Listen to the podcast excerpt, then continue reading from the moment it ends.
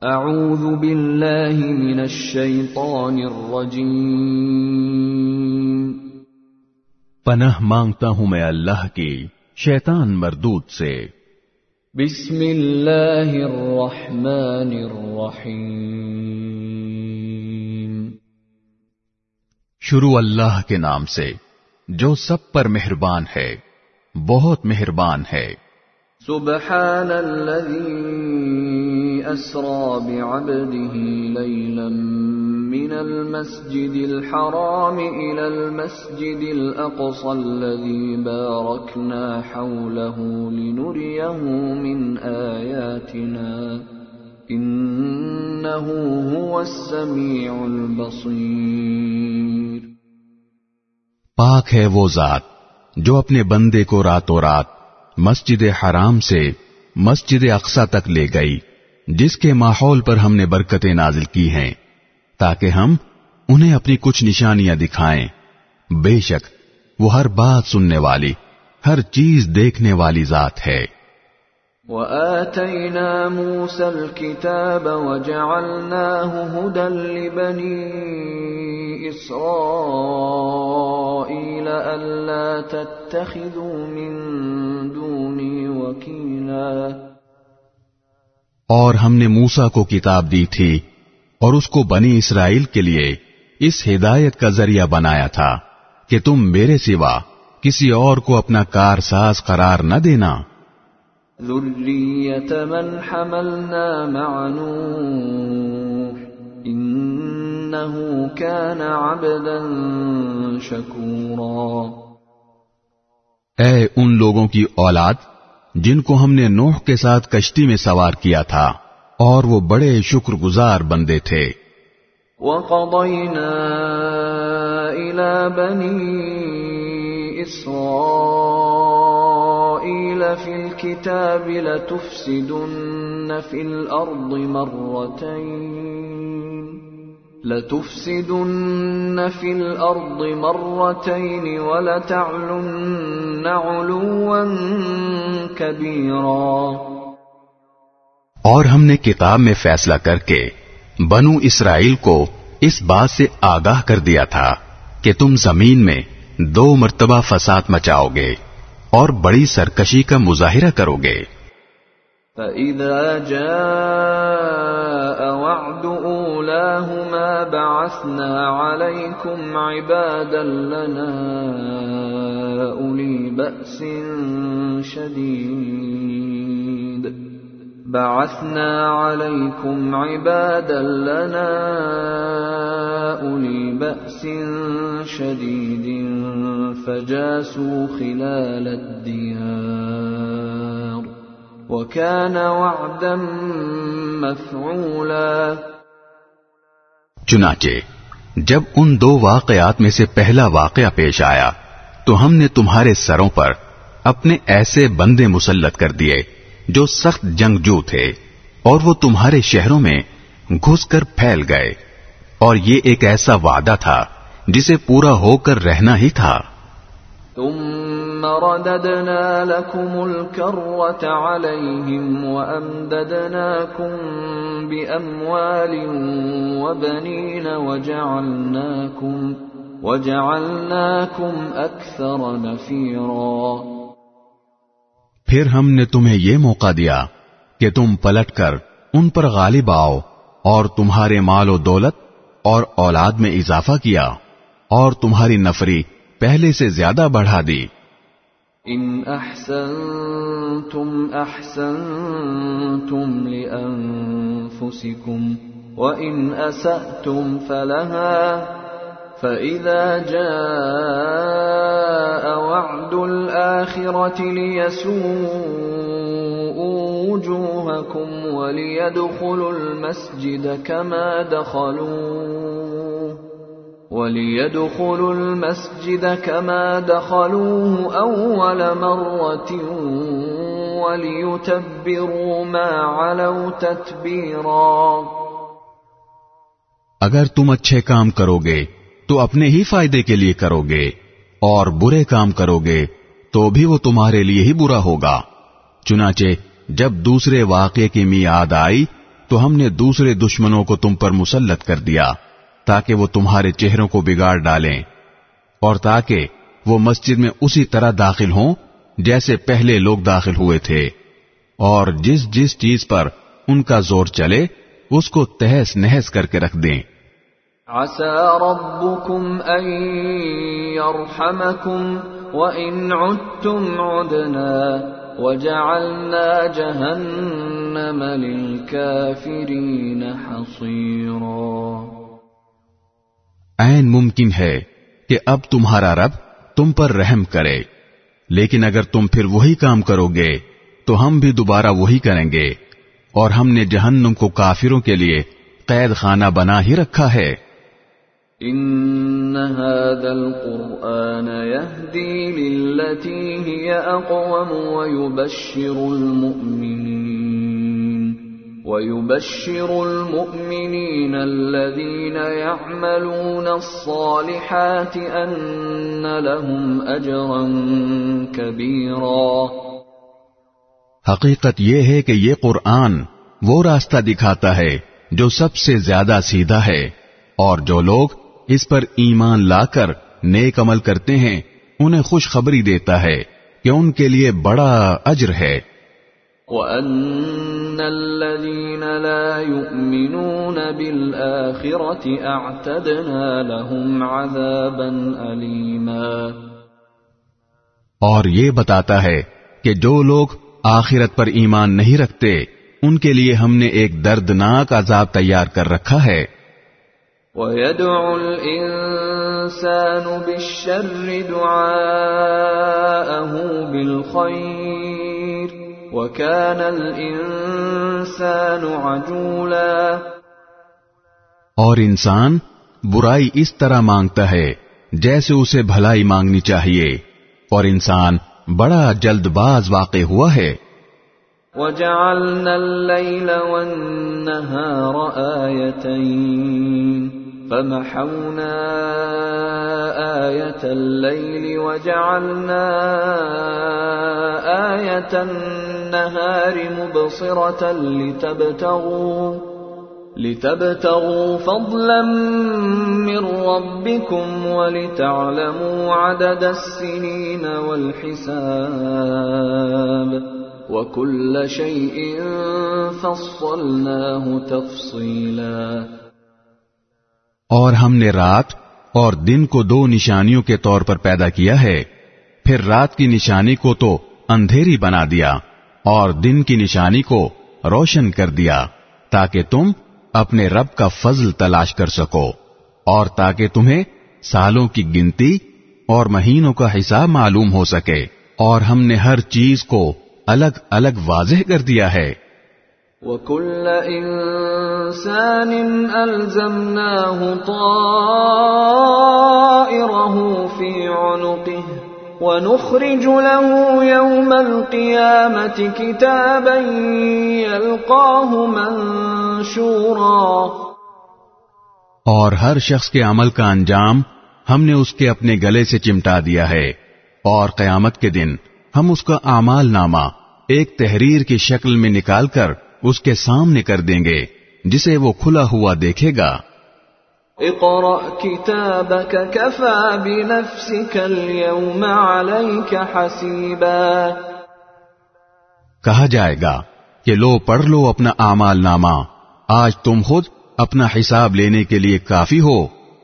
من اهتدى فإنما يهتدي لنفسه۔ ومن ضل فإنما يضل عليها ولا تزر وازرة وزر أخرى وما كنا معذبين حتى نبعث رسولا جو شخص سیدھی راہ پر چلتا ہے تو وہ خود اپنے فائدے کے لیے چلتا ہے اور جو گمراہی کا راستہ اختیار کرتا ہے وہ اپنے ہی نقصان کے لیے اختیار کرتا ہے اور کوئی بوجھ اٹھانے والا کسی دوسرے کا بوجھ نہیں اٹھائے گا اور ہم کبھی کسی کو اس وقت تک سزا نہیں دیتے جب تک کوئی پیغمبر اس کے پاس نہ بھیج دیں۔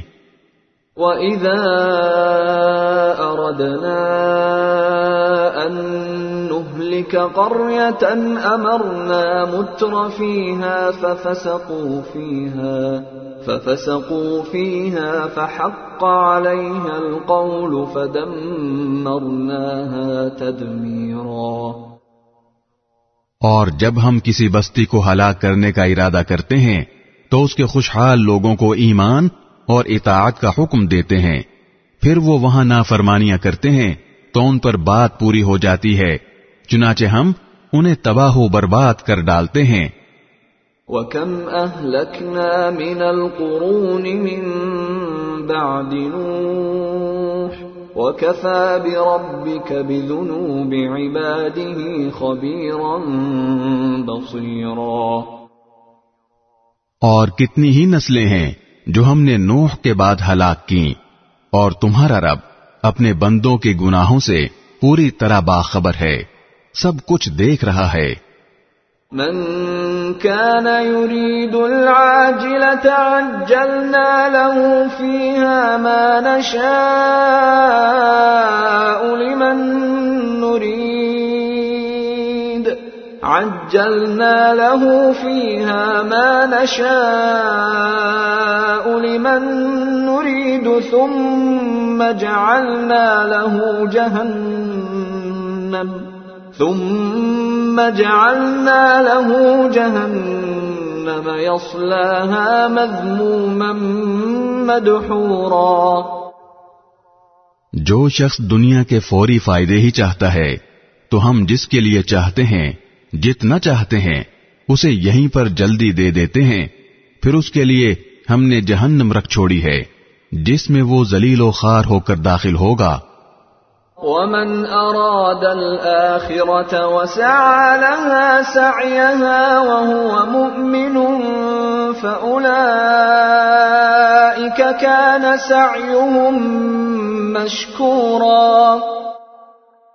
اور جو شخص آخرت کا فائدہ چاہے اور اس کے لیے ویسی ہی کوشش کرے، جیسی اس کے لیے کرنی چاہیے۔ جبکہ وہ مومن بھی ہو، تو ایسے لوگوں کی کوشش کی دانی کی جائے گی۔ كلا نمد هؤلاء وهؤلاء من عطاء ربك وما كان عطاء ربك محظورا۔ اے پیغمبر جہاں تک دنیا میں تمہارے رب کی عطا کا تعلق ہے، ہم ان کو بھی اس سے نوازتے ہیں اور ان کو بھی۔ اور دنیا میں تمہارے رب کی عطا کسی کے لیے بند نہیں ہے۔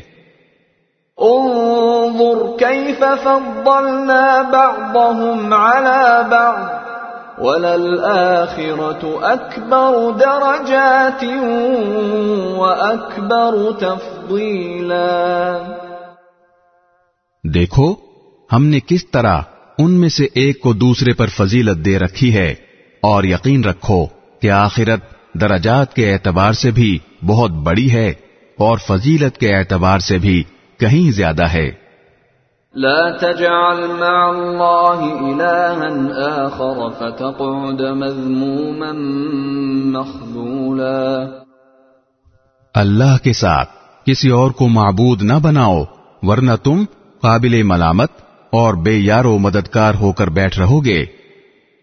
وقضى ربك ألا تعبدوا إلا إياه وبالوالدين إحسانا إما يبلغن عند عندك الكبر أحدهما أو كلاهما فلا تقل لهما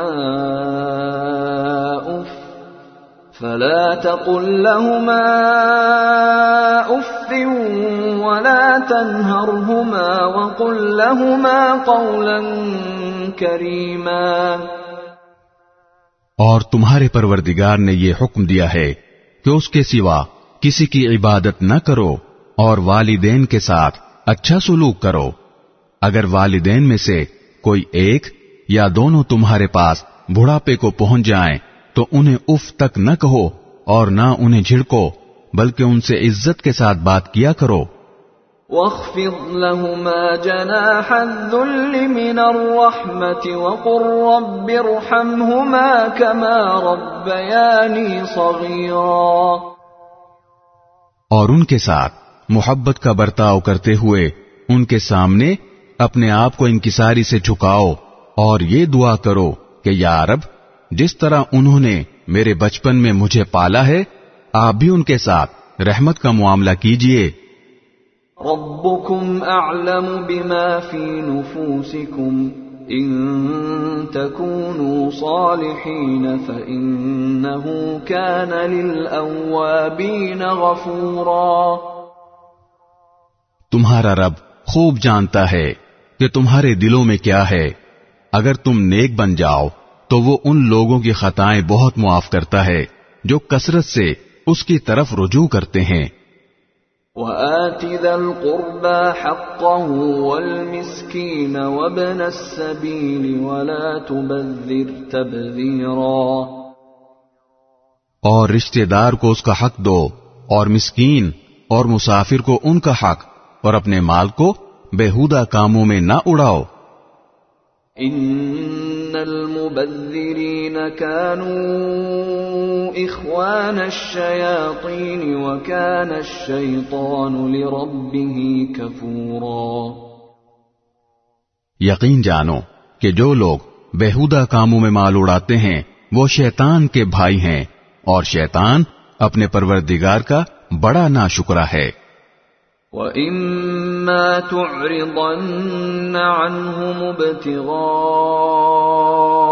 رَحْمَةٍ مِّن رَّبِّكَ تَرْجُوهَا فَقُل لَّهُمْ فَقُل لَّهُمْ قَوْلًا مَّيْسُورًا۔ اور اگر کبھی تمہیں ان رشتہ داروں، مسکینوں اور مسافروں سے اس لیے منہ پھیرنا پڑے کہ تمہیں اللہ کی متوقع رحمت کا انتظار ہو تو ایسے میں ان کے ساتھ نرمی سے بات کر لیا کرو۔ ولا تجعل يدك مغلولة إلى عنقك ولا تبسطها كل البسط فتقعد ملوما محسورا۔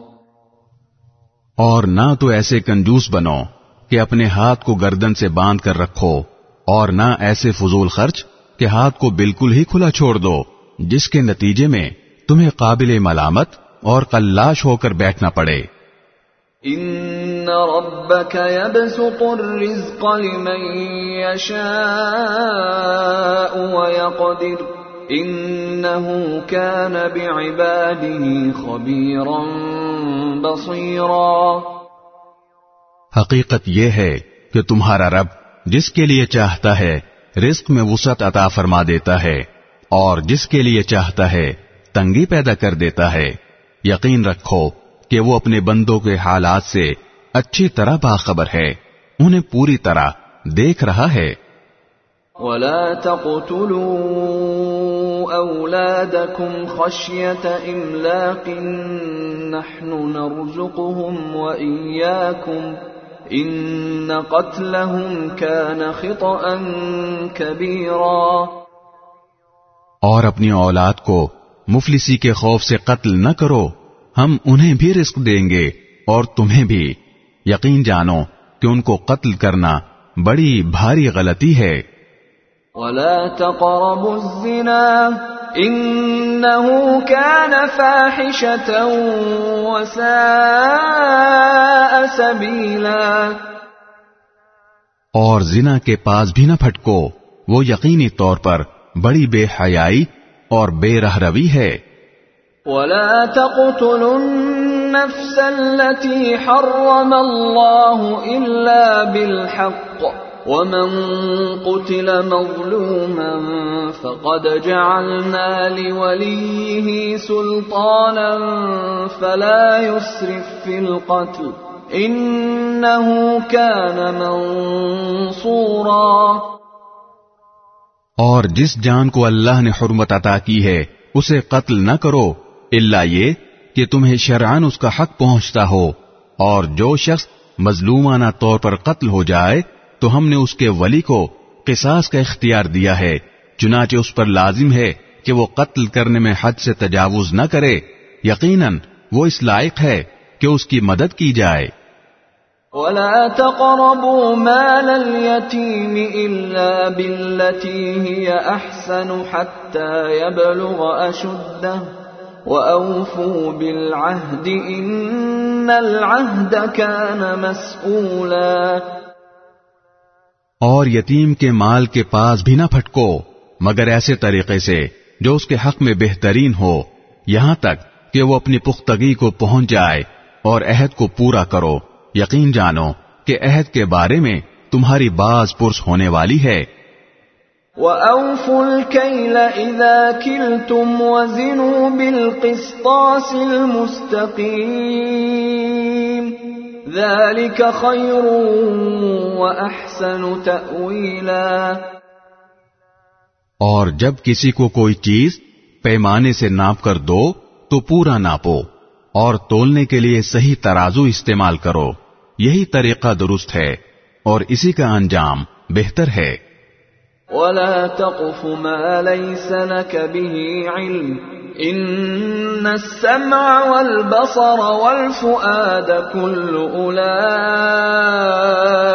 كان عنه مسؤولا اور جس بات کا تمہیں یقین نہ ہو اسے سچ سمجھ کر اس کے پیچھے مت پڑو۔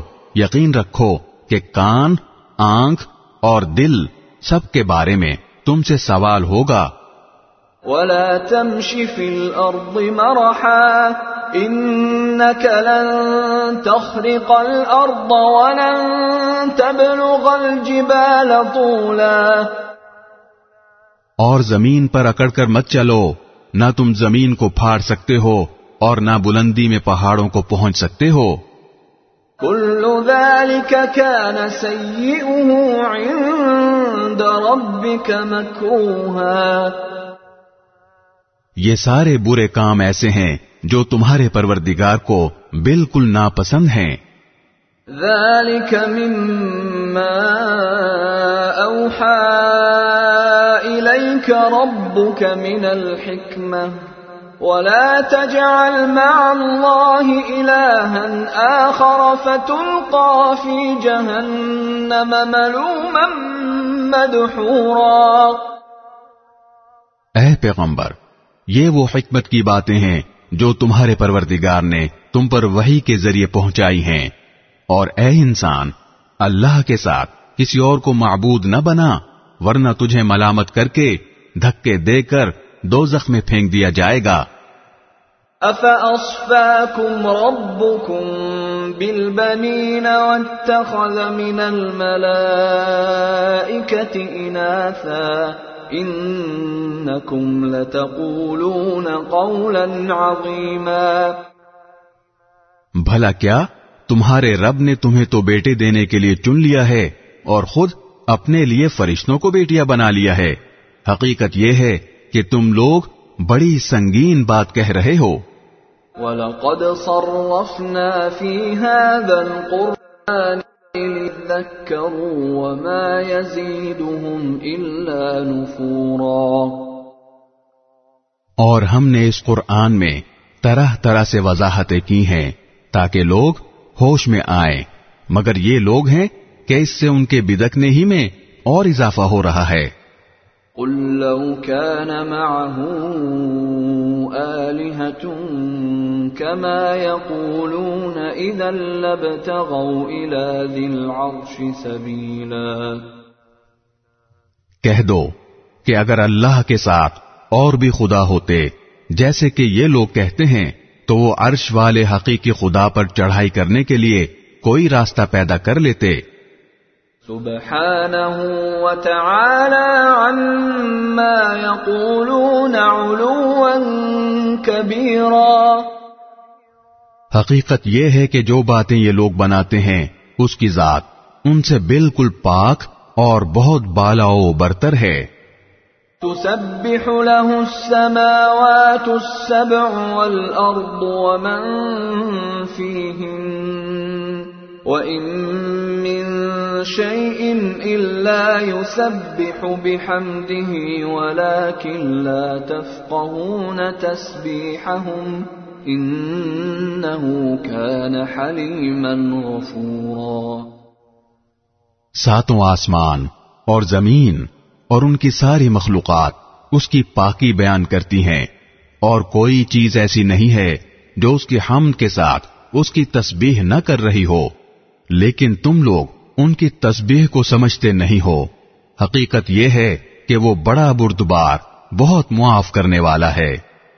وَإِذَا قَرَأْتَ الْقُرْآنَ جَعَلْنَا بَيْنَكَ وَبَيْنَ الَّذِينَ لَا يُؤْمِنُونَ بِالْآخِرَةِ حِجَابًا مَسْتُورًا۔ اور اے پیغمبر جب تم قرآن پڑھتے ہو تو ہم تمہارے اور ان لوگوں کے درمیان جو آخرت پر ایمان نہیں رکھتے، ایک اندیکھا پردہ حائل کر دیتے ہیں۔ وجعلنا على قلوبهم أكنة أن يفقهوه وفي آذانهم وقرا وإذا ذكرت ربك في القرآن وحده ولوا على أدبارهم نفورا اور ہم ان کے دلوں پر ایسا غلاف چڑھا دیتے ہیں کہ وہ اسے سمجھتے نہیں اور ان کے کانوں میں گرانی پیدا کر دیتے ہیں۔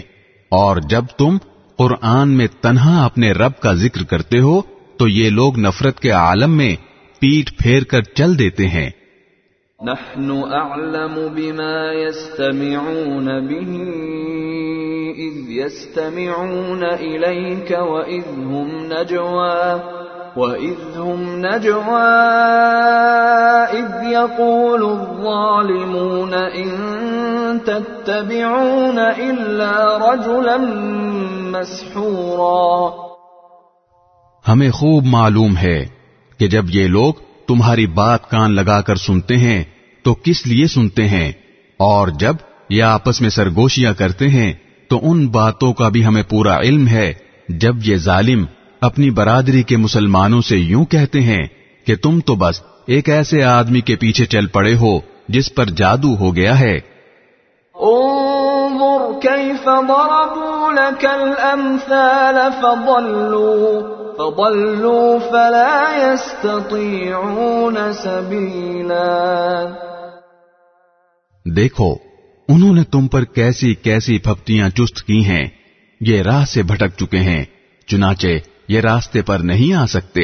وقالوا أئذا كنا عظاما ورفاتا أئنا لمبعوثون خلقا جديدا۔ اور یہ کہتے ہیں کہ کیا جب ہمارا وجود ہڈیوں میں تبدیل ہو کر چورا چورا ہو جائے گا تو بھلا کیا اس وقت ہمیں نئے سرے سے پیدا کر کے اٹھایا جائے گا؟ قل كونوا حجارة أو حديدا کہہ دو کہ تم پتھر یا لوہا بھی بن جاؤ۔ أو خلقا مما يكبر في صدوركم فسيقولون من يعيدنا؟ قل الذي فطركم أول مرة فسينغضون إليك رؤوسهم ويقولون متاه؟ قل عسى أن يكون قريبا. یا کوئی اور ایسی مخلوق بن جاؤ جس کے بارے میں تم دل میں سوچتے ہو۔ کہ اس کا زندہ ہونا اور بھی مشکل ہے، پھر بھی تمہیں زندہ کر دیا جائے گا۔ اب وہ کہیں گے کہ کون ہمیں دوبارہ زندہ کرے گا؟ کہہ دو کہ وہی زندہ کرے گا جس نے تمہیں پہلی بار پیدا کیا تھا۔ پھر وہ تمہارے سامنے سر ہلا ہلا کر کہیں گے کہ ایسا کب ہوگا؟ کہہ دینا کہ کیا بعید ہے کہ وہ وقت قریب ہی آ گیا ہو۔ يوم يدعوكم فتستجيبون بحمده وتظنون إن لبثتم إلا قليلا. جس دن وہ تمہیں بلائے گا تو تم اس کی حمد کرتے ہوئے اس کے حکم کی تعمیل کرو گے۔ اور یہ سمجھ رہے ہوگے کہ تم بس تھوڑی سی مدت دنیا میں رہے تھے۔ وقل لعبادي يقولوا التي هي أحسن۔ إن الشيطان ينزغ بينهم إن الشيطان كان للإنسان عدوا مبينا۔ میرے مومن بندوں سے کہہ دو کہ وہی بات کہا کریں جو بہترین ہو۔ در حقیقت، شیطان لوگوں کے درمیان فساد ڈالتا ہے۔ شیطان یقینی طور پر انسان کا کھلا دشمن ہے۔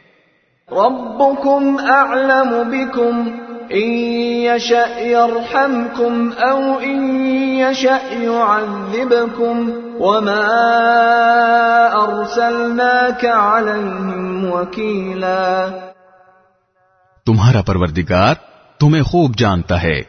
اگر وہ چاہے تو تم پر رحم فرما دے اور چاہے تو تمہیں عذاب دے دے۔ اور اے پیغمبر، ہم نے تمہیں ان کی باتوں کا ذمہ دار بنا کر نہیں بھیجا ہے۔ وربك أعلم بمن في السماوات والأرض ولقد فضلنا بعض النبيين على بعض وآتينا داود زبورا۔ اور تمہارا پروردگار ان سب کو جانتا ہے جو آسمانوں میں ہیں اور جو زمین میں ہیں۔ اور ہم نے کچھ نبیوں کو دوسرے نبیوں پر فضیلت دی ہے اور ہم نے داؤد کو زبور عطا کی تھی۔ قل ادعوا الذين زعمتم من دونه فلا يملكون كشف الضر عنكم ولا تحويلا۔ جو لوگ اللہ کے علاوہ دوسرے معبودوں کو مانتے ہیں ان سے کہہ دو کہ جن کو تم نے اللہ کے سوا معبود سمجھ رکھا ہے، انہیں پکار کر دیکھو، ہوگا یہ کہ نہ وہ تم سے کوئی تکلیف دور کر سکیں گے اور نہ اسے تبدیل کر سکیں گے۔ أولئك الذين يدعون يبتغون إلى ربهم الوسيلة أيهم أقرب ويرجون ويرجون رحمته ويخافون عذابه إن عذاب ربك كان محذورا۔ جن کو یہ لوگ پکارتے ہیں، وہ تو خود اپنے پروردگار تک پہنچنے کا وسیلہ تلاش کرتے ہیں کہ ان میں سے کون اللہ کے زیادہ قریب ہو جائے اور وہ اس کی رحمت کے امیدوار رہتے ہیں اور اس کے عذاب سے ڈرتے ہیں۔ یقیناً تمہارے رب کا عذاب ہے ہی ایسی چیز جس سے ڈرا جائے۔ وَإِن مِّن قَرْيَةٍ إِلَّا نَحْنُ مُهْلِكُوهَا قَبْلَ يَوْمِ الْقِيَامَةِ أَوْ مُعَذِّبُوهَا عَذَابًا شَدِيدًا كَانَ ذَلِكَ فِي الْكِتَابِ مَسْطُورًا۔ اور کوئی بستی ایسی نہیں ہے جسے ہم روز قیامت سے پہلے ہلاک نہ کریں۔ یا اسے سخت عذاب نہ دیں۔ یہ بات تقدیر کی کتاب میں لکھی جا چکی ہے۔ وما منعنا أن نرسل بالآيات إلا أن كذب بها الأولون وآتينا ثمود الناقة مبصرة فظلموا بها وما نرسل بالآيات إلا تخويفا اور ہم کو نشانیاں یعنی کفار کے مانگے ہوئے معجزات بھیجنے سے کسی اور چیز نے نہیں، بلکہ اس بات نے روکا ہے کہ پچھلے لوگ ایسی نشانیوں کو جھٹلا چکے ہیں اور ہم نے قوم سمود کو اونٹنی دی تھی، جو آنکھیں کھولنے کے لیے کافی تھی، مگر انہوں نے اس کے ساتھ ظلم کیا اور ہم نشانیاں ڈرانے ہی کے لیے بھیجتے ہیں۔ وَإِذْ قُلْنَا لَكَ إِنَّ رَبَّكَ أَحَاطَ بِالنَّاسِ وَمَا جَعَلْنَا الرُّؤْيَا الَّتِي أَرَيْنَاكَ إِلَّا فِتْنَةً لِلنَّاسِ وَالشَّجَرَةَ الْمَلْعُونَةَ فِي الْقُرْآنِ ونخوفهم فما يزيدهم إلا طغيانا كبيرا اور اے پیغمبر، وہ وقت یاد کرو، جب ہم نے تم سے کہا تھا کہ تمہارا پروردگار اپنے علم سے تمام لوگوں کا احاطہ کیے ہوئے ہے، اور ہم نے جو نظارہ تمہیں دکھایا ہے، اس کو ہم نے کافر لوگوں کے لیے بس ایک فتنہ بنا دیا۔ نیز، اس درخت کو بھی، جس پر قرآن میں لانت آئی ہے۔ اور ہم تو ان کو ڈراتے رہتے ہیں، لیکن اس سے ان کی سخت سرکشی ہی میں اضافہ ہو رہا ہے۔ وَإِذْ قُلْنَا لِلْمَلَائِكَةِ اسْجُدُوا لِآدَمَ فَسَجَدُوا إِلَّا إِبْلِيسَ فَسَجَدُوا إِلَّا إِبْلِيسَ قَالَ أَأَسْجُدُ لِمَنْ خَلَقْتَ طِينًا اور وہ وقت یاد کرو جب ہم نے فرشتوں سے کہا تھا کہ آدم کو سجدہ کرو۔ چنانچہ انہوں نے سجدہ کیا، لیکن ابلیس نے نہیں کیا۔ اس نے کہا کہ کیا میں اس کو سجدہ کروں جسے تو نے مٹی سے پیدا کیا ہے؟ قال أرأيتك هذا الذي كرمت علي لئن أخرتني إلى يوم القيامة لأحتنكن لأحتنكن ذريته إلا قليلا کہنے لگا، بھلا بتاؤ، یہ ہے وہ مخلوق جسے تو نے میرے مقابلے میں عزت بخشی ہے۔ اگر تو نے مجھے قیامت کے دن تک مہلت دی، تو میں اس کی اولاد میں سے تھوڑے سے لوگوں کو چھوڑ کر باقی سب کے جبڑوں میں لگام ڈالوں گا۔ قال اذهب فمن تبعك منهم فإن جهنم جزاؤكم جزاء موفورا۔ اللہ نے کہا، جا، پھر ان میں سے جو تیرے پیچھے چلے گا، تو جہنم ہی تم سب کی سزا ہوگی، مکمل اور بھرپور سزا۔ واستفزز من استطعت منهم بصوتك وأجلب عليهم بخيلك ورجلك وشاركهم وشاركهم في الأموال والأولاد وعدهم وما يعدهم الشيطان إلا غرورا. اور ان میں سے جس جس پر تیرا بس چلے انہیں اپنی آواز سے بہکالے اور ان پر اپنے سواروں اور پیادوں کی فوج چڑھا لا اور ان کے مال اور اولاد میں اپنا حصہ لگا لے اور ان سے خوب وعدے کر لے۔ اور حقیقت یہ ہے کہ شیطان ان سے جو وعدہ بھی کرتا ہے وہ دھوکے کے سوا کچھ نہیں ہوتا۔ ان عبادی لیس لك عليهم سلطان وكفى بربك وكيلا یقین رکھ کہ جو میرے بندے ہیں، ان پر تیرا کوئی بس نہیں چلے گا اور تیرا پروردگار ان کی رکھوالی کے لیے کافی ہے۔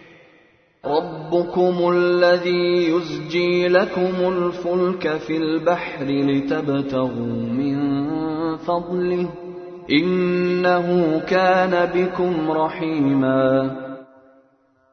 تمہارا پروردگار وہ ہے جو تمہارے لیے سمندر میں کشتیاں لے چلتا ہے تاکہ تم اس کا فضل تلاش کرو۔ یقیناً وہ تمہارے ساتھ بڑی رحمت کا معاملہ کرنے والا ہے۔ واذا مسكم الضر في البحر ضل من تدعون الا اياه فلما نجاكم إلى البر اعرضتم وكان الانسان كفورا اور جب سمندر میں تمہیں کوئی تکلیف پہنچتی ہے تو جن دیوتاؤں کو تم پکارا کرتے ہو وہ سب غائب ہو جاتے ہیں۔ بس اللہ ہی اللہ رہ جاتا ہے۔ پھر جب اللہ تمہیں بچا کر خشکی تک پہنچا دیتا ہے، تو تم منہ موڑ لیتے ہو اور انسان بڑا ہی نا شکرا ہے۔ أَفَأَمِنْتُمْ أَن يَخْسِفَ بِكُمْ جَانِبَ الْبَرِّ أَوْ يُرْسِلَ عَلَيْكُمْ حَاصِبًا؟ أو يرسل عليكم حاصبا ثم لا تجدوا لكم وكيلا. تو کیا تمہیں اس بات کا کوئی ڈر نہیں رہا کہ اللہ تمہیں خشکی ہی کے ایک حصے میں دھسا دے یا تم پر پتھر برسانے والی آندھی بھیج دے اور پھر تمہیں اپنا کوئی رکھوالا نہ ملے؟ أم أمنتم أن يعيدكم فيه تارة أخرى فيرسل عليكم قاصفا من الريح فيغرقكم فيغرقكم بما كفرتم ثم لا تجدوا لكم علينا به تبيعا اور کیا تم اس بات سے بھی بے فکر ہو گئے ہو؟ کہ وہ تمہیں دوبارہ اسی سمندر میں لے جائے۔ پھر تم پر ہوا کا طوفان بھیج کر تمہاری ناشکری کی سزا میں تمہیں غرق کر ڈالے۔ پھر تمہیں کوئی نہ ملے جو اس معاملے میں ہمارا پیچھا کر سکے۔ ولقد كرمنا بني آدم وحملناهم في البر والبحر ورزقناهم من الطيبات ورزقناهم من الطيبات وفضلناهم على كثير ممن خلقنا تفضيلا. اور حقیقت یہ ہے کہ ہم نے آدم کی اولاد کو عزت بخشی ہے اور انہیں خشکی اور سمندر دونوں میں سواریاں مہیا کی ہیں اور ان کو پاکیزہ چیزوں کا رزق دیا ہے اور ان کو اپنی بہت سی مخلوقات پر فضیلت عطا کی ہے۔ يوم ندعو كل أناس بإمامهم فمن أوتي كتابه بيمينه فأولئك يقرؤون كتابهم ولا يظلمون فتيلا اس دن کو یاد رکھو جب ہم تمام انسانوں کو ان کے اعمال ناموں کے ساتھ بلائیں گے پھر جنہیں ان کا اعمال نامہ داہنے ہاتھ میں دیا جائے گا تو وہ اپنے اعمال نامے کو پڑھیں گے اور ان پر ریشہ برابر بھی ظلم نہیں ہوگا۔ ومن كان في هذه أعمى فهو في الآخرة أعمى وأضل سبيلا۔ اور جو شخص دنیا میں اندھا بنا رہا وہ آخرت میں بھی اندھا بلکہ راستے سے اور زیادہ بھٹکا ہوا رہے گا۔ وَإِن كَادُوا لَيَفْتِنُونَكَ عَنِ الَّذِي أَوْحَيْنَا إِلَيْكَ لِتَفْتَرِيَ عَلَيْنَا غَيْرَهُ وَإِذًا لَاتَّخَذُوكَ خَلِيلًا اور اے پیغمبر، جو وہی ہم نے تمہارے پاس بھیجی ہے، یہ کافر لوگ تمہیں فتنے میں ڈال کر اس سے ہٹانے لگے تھے، تاکہ تم اس کے بجائے کوئی اور بات ہمارے نام پر گھڑ کر پیش کرو اور اس صورت میں یہ تمہیں اپنا گہرا دوست بنا لیتے۔ ولولا أن ثبتناك لقد كدت تركن إليهم شيئا قليلا۔ اور اگر ہم نے تمہیں ثابت قدم نہ بنایا ہوتا تو تم بھی ان کی طرف کچھ کچھ جھکنے کے قریب جا پہنچتے۔ لأذقناك ضعف الحياة وضعف الممات ثم لا تجد لك علينا نصيرا اور اگر ایسا ہو جاتا تو ہم تمہیں دنیا میں بھی دگنی سزا دیتے اور مرنے کے بعد بھی دگنی، پھر تمہیں ہمارے مقابلے میں کوئی مددگار نہ ملتا۔ وَإِن كَادُوا لَيَسْتَفِزُّونَكَ مِنَ الْأَرْضِ لِيُخْرِجُوكَ مِنْهَا وَإِذًا لَّا يَلْبَثُونَ خِلَافَكَ إِلَّا قَلِيلًا اس کے علاوہ یہ لوگ اس فکر میں بھی ہیں کہ اس سرزمین یعنی مکے سے تمہارے قدم اکھاڑیں تاکہ تمہیں یہاں سے نکال باہر کریں اور اگر ایسا ہوا تو یہ بھی تمہارے بات زیادہ دیر یہاں نہیں ٹھہر سکیں گے۔ مَن قَدْ أَرْسَلْنَا قَبْلَكَ مِن رُّسُلِنَا وَلَا تَجِدُ لِسُنَّتِنَا تَحْوِيلًا یہ ہمارا وہ طریقہ کار ہے جو ہم نے اپنے ان پیغمبروں کے ساتھ اختیار کیا تھا جو ہم نے تم سے پہلے بھیجے تھے اور تم ہمارے طریقے میں کوئی تبدیلی نہیں پاؤ گے۔ أقم الصلاة لدلوك الشمس إلى غسق الليل وقرآن الفجر. إن قرآن الفجر كان مشهودا. اے پیغمبر، سورج ڈھلنے کے وقت سے لے کر رات کے اندھیرے تک نماز قائم کرو اور فجر کے وقت قرآن پڑھنے کا اہتمام کرو۔ یاد رکھو کہ فجر کی تلاوت میں مجمع حاضر ہوتا ہے۔ ومن الليل فتهجد به نافلة لك عسى أن يبعثك ربك مقاما محمودا۔ اور رات کے کچھ حصے میں تہجد پڑھا کرو جو تمہارے لیے ایک اضافی عبادت ہے۔ امید ہے کہ تمہارا پروردگار تمہیں مقام محمود تک پہنچائے گا۔ وقل رب أدخلني مدخل صدق وأخرجني مخرج صدق واجعل لي واجعل لي من لدنك سلطانا نصيرا اور یہ دعا کرو کہ یا رب، مجھے جہاں داخل فرما، اچھائی کے ساتھ داخل فرما، اور جہاں سے نکال، اچھائی کے ساتھ نکال، اور مجھے خاص اپنے پاس سے ایسا اقتدار عطا فرما جس کے ساتھ تیری مدد ہو۔ وقل جاء الحق وزهق الباطل ان الباطل كان زهوقا۔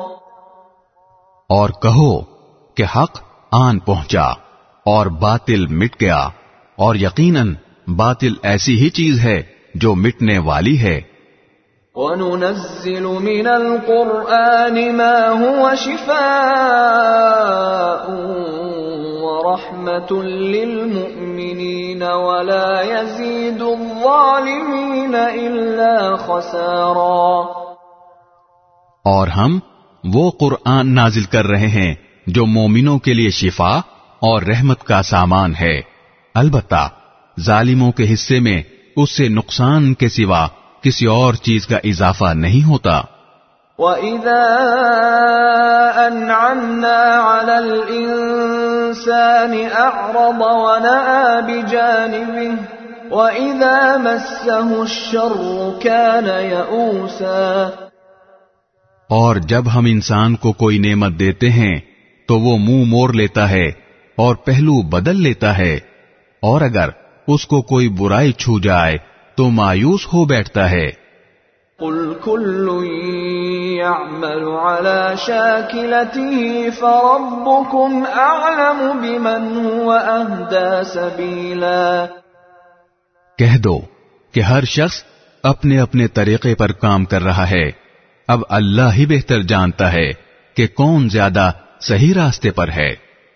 ويسألونك عن الروح قل الروح من أمر ربي وما أوتيتم من العلم إلا قليلا اور اے پیغمبر یہ لوگ تم سے روح کے بارے میں پوچھتے ہیں۔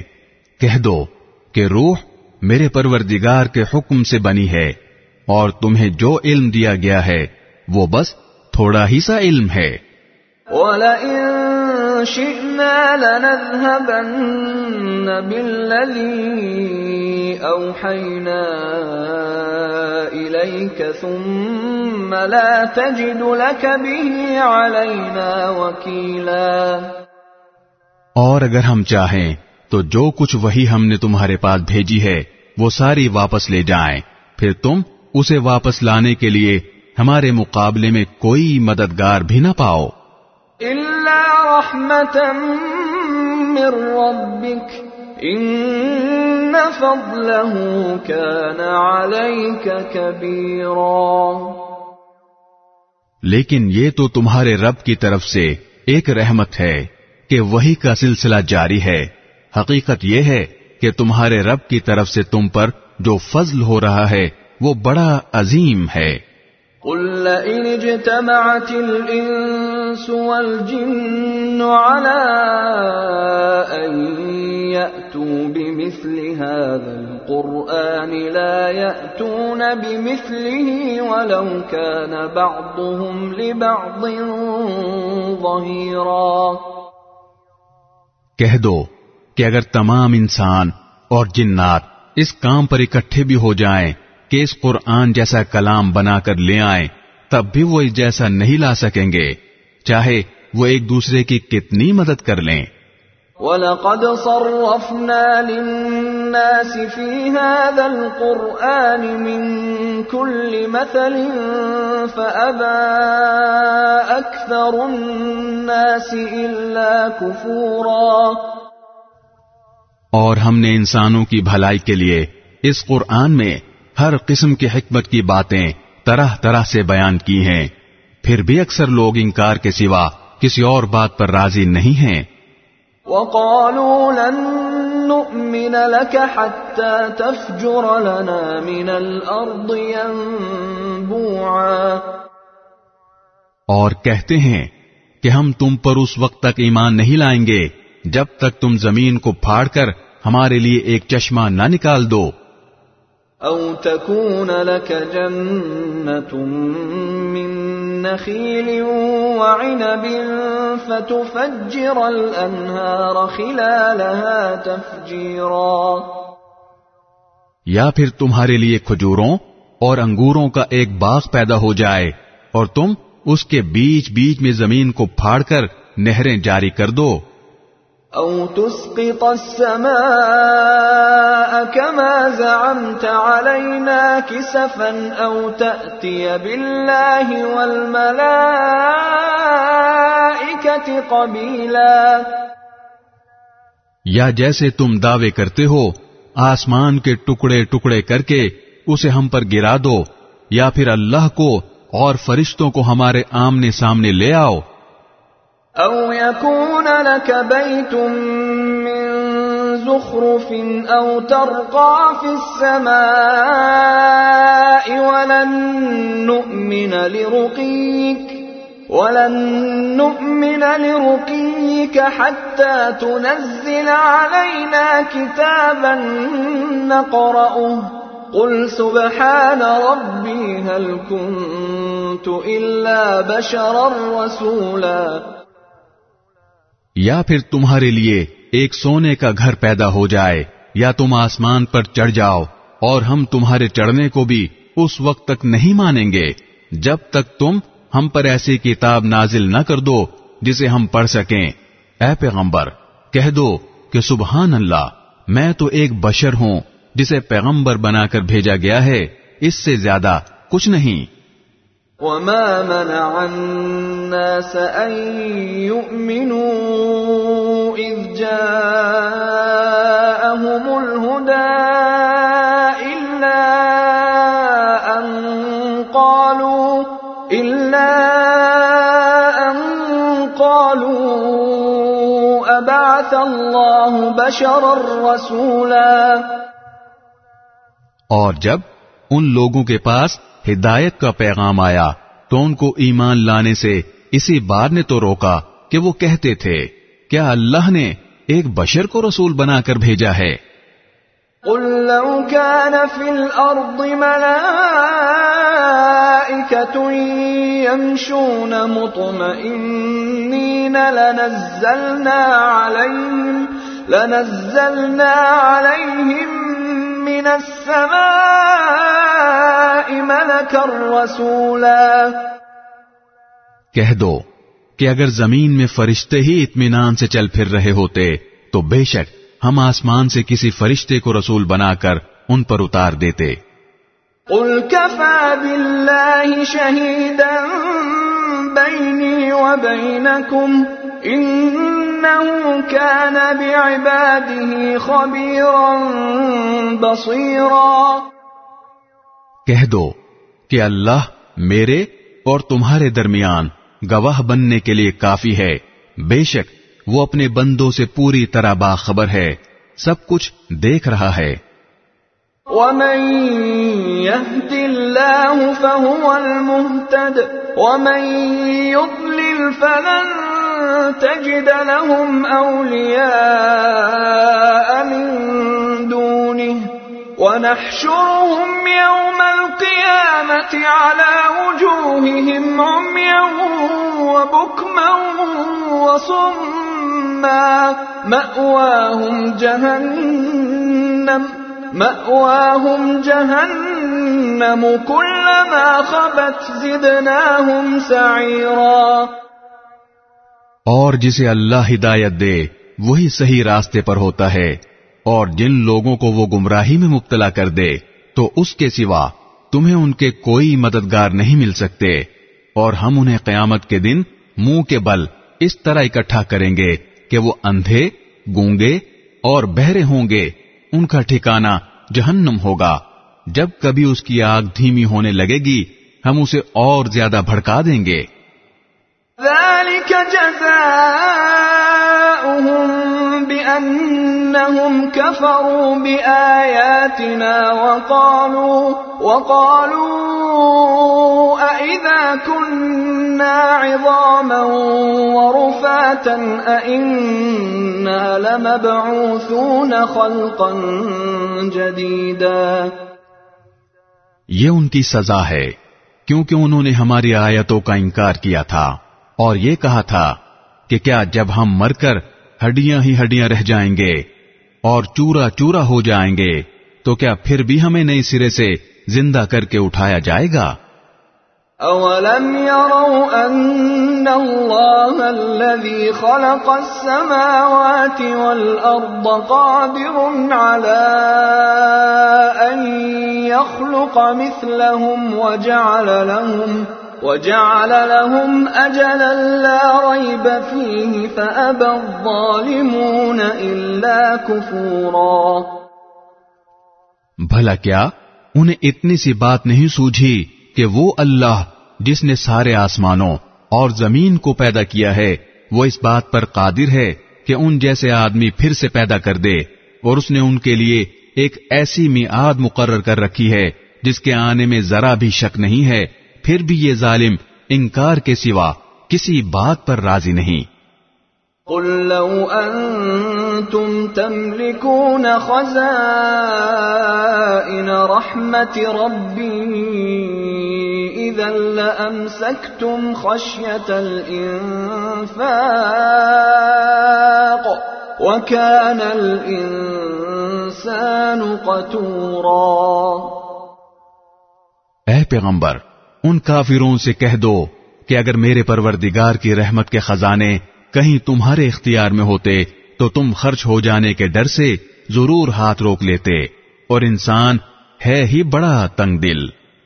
وَلَقَدْ آتَيْنَا مُوسَى تِسْعَ آيَاتٍ بَيِّنَاتٍ فاسأل بني إسرائيل إذ جاءهم فقال له فرعون فقال له فرعون إني لأظنك يا موسى مسحورا.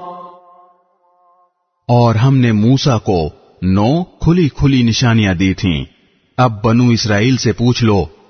کہ جب وہ ان لوگوں کے پاس گئے تو فرعون نے ان سے کہا کہ اے موسا تمہارے بارے میں میرا تو خیال یہ ہے کہ کسی نے تم پر جادو کر دیا ہے۔ قال لقد علمت ما أنزل هؤلاء إلا رب السماوات والأرض بصائر وإني لأظنك يا فرعون مثبورا موسا نے کہا، تمہیں خوب معلوم ہے کہ یہ ساری نشانیاں کسی اور نے نہیں، آسمانوں اور زمین کے پروردگار نے بصیرت پیدا کرنے کے لیے نازل کی ہیں۔ اور اے فرعون، تمہارے بارے میں میرا گمان یہ ہے کہ تمہاری بربادی آنے والی ہے۔ فأراد أن يستفزهم من الأرض فأغرقناه ومن معه جميعا۔ پھر فرعون نے یہ ارادہ کیا تھا کہ ان سب بنو اسرائیل کو اس سرزمین سے اکھاڑ پھینکے لیکن ہم نے اسے اور جتنے لوگ اس کے ساتھ تھے ان سب کو غرق کر دیا۔ وقلنا من بعده لبني إسرائيل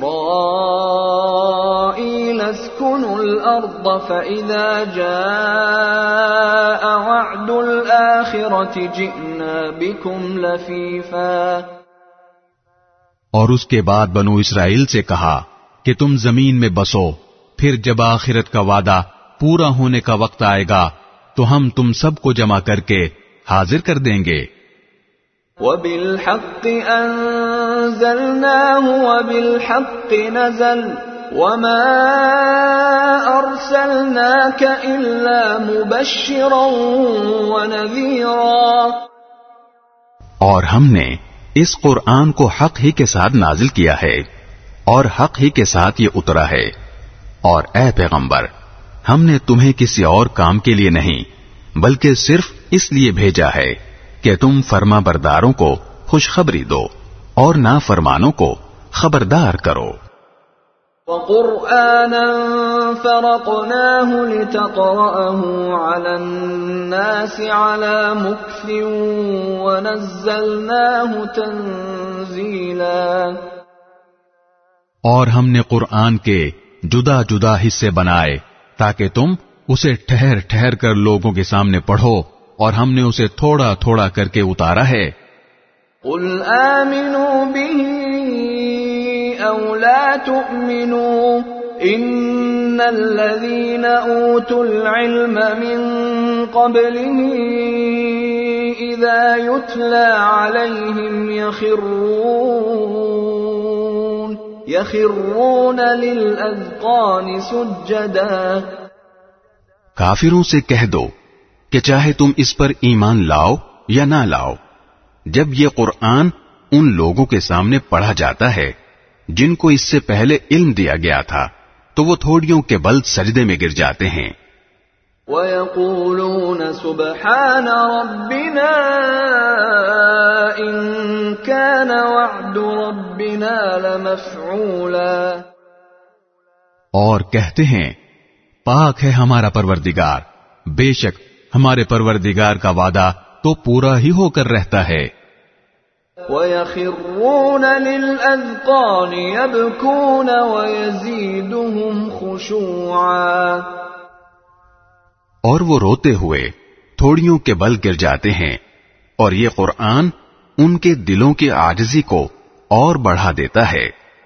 قل ادعوا الله او ادعوا الرحمن۔ ايما تدعوا فله الاسماء الحسنى ولا تجهر بصلاتك ولا تخافت بها وابتغ بين ذلك سبيلا.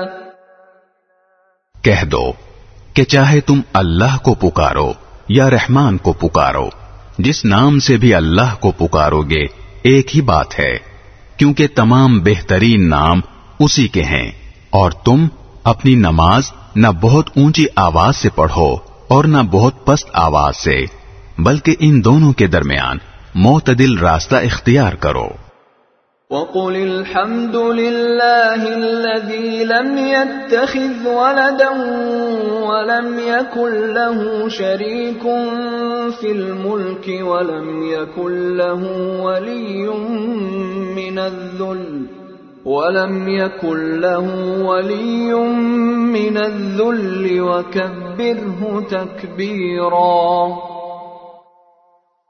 اور کہو کہ تمام تعریفیں اللہ کی ہیں، جس نے نہ کوئی بیٹا بنایا، نہ اس کی سلطنت میں کوئی شریک ہے، اور نہ اسے آجزی سے بچانے کے لیے کوئی حمایتی درکار ہے۔ اور اس کی ایسی بڑائی بیان کرو، جیسی بڑائی بیان کرنے کا اسے حق حاصل ہے۔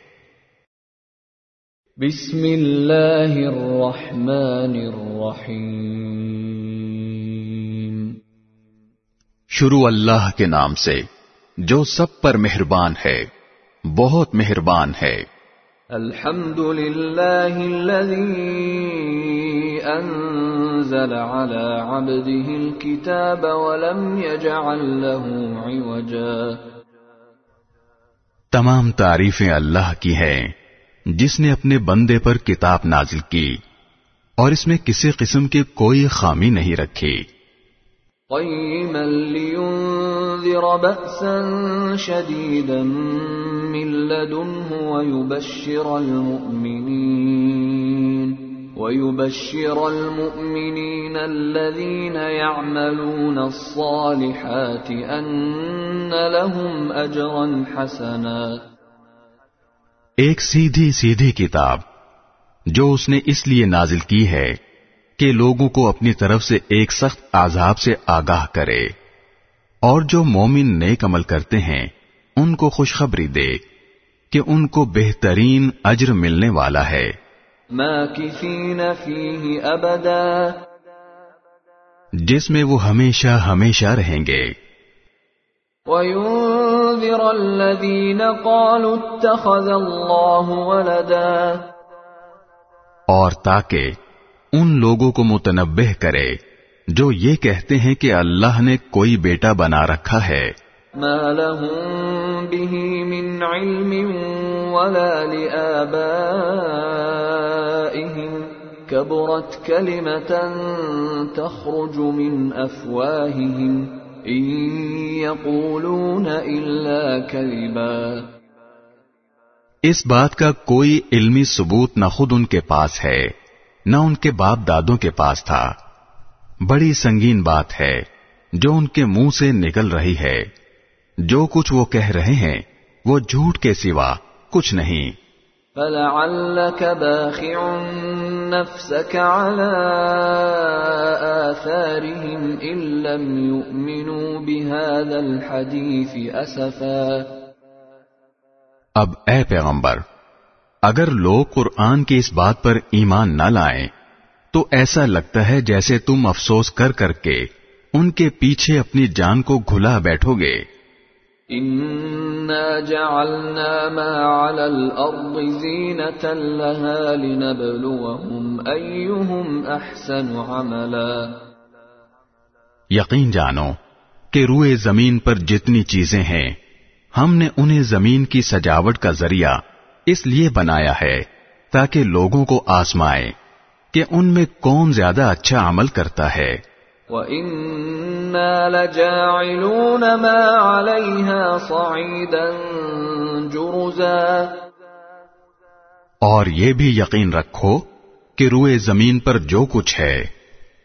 ایک دن ہم اسے ایک سپاٹ میدان بنا دیں گے۔ أم حسبت أن أصحاب الكهف والرقيم كانوا من آياتنا عجبا کیا تمہارا یہ خیال ہے کہ غار اور رقیم والے لوگ ہماری نشانیوں میں سے کچھ زیادہ عجیب چیز تھے؟ اذ أوى الفتية الى الكهف فقالوا ربنا آتنا من لدنك رحمة فقالوا ربنا آتنا من لدنك رحمة وهيئ لنا من أمرنا رشدا۔ یہ اس وقت کا ذکر ہے جب ان نوجوانوں نے غار میں پناہ لی تھی۔ اور اللہ تعالی سے دعا کرتے ہوئے کہا تھا کہ اے ہمارے پروردگار، ہم پر خاص اپنے پاس سے رحمت نازل فرمائیے اور ہماری اس صورت حال میں ہمارے لیے بھلائی کا راستہ مہیا فرما دیجیے فضربنا على آذانهم في الكهف سنين عددا۔ چنانچہ ہم نے ان کے کانوں کو تھپکی دے کر کئی سال تک ان کو غار میں سلائے رکھا۔ ثم بعثناهم لنعلم أي الحزبين أحصى لما لبثوا أمدا پھر ہم نے ان کو جگایا تاکہ یہ دیکھیں کہ ان کے دو گروہوں میں سے کون سا گروہ اپنے سوئے رہنے کی مدت کا زیادہ صحیح شمار کرتا ہے۔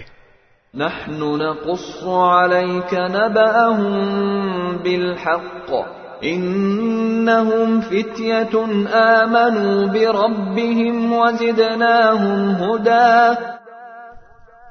ہم تمہارے سامنے ان کا واقعہ ٹھیک ٹھیک بیان کرتے ہیں۔ یہ کچھ نوجوان تھے جو اپنے پروردگار پر ایمان لائے تھے اور ہم نے ان کو ہدایت میں خوب ترقی دی تھی۔ وربطنا على قلوبهم إذ قاموا فقالوا ربنا رب السماوات والأرض لن ندعو من دونه إلها. لن ندعو من دونه إلها. لقد قلنا إذا شططا اور ہم نے ان کے دل خوب مضبوط کر دیے تھے۔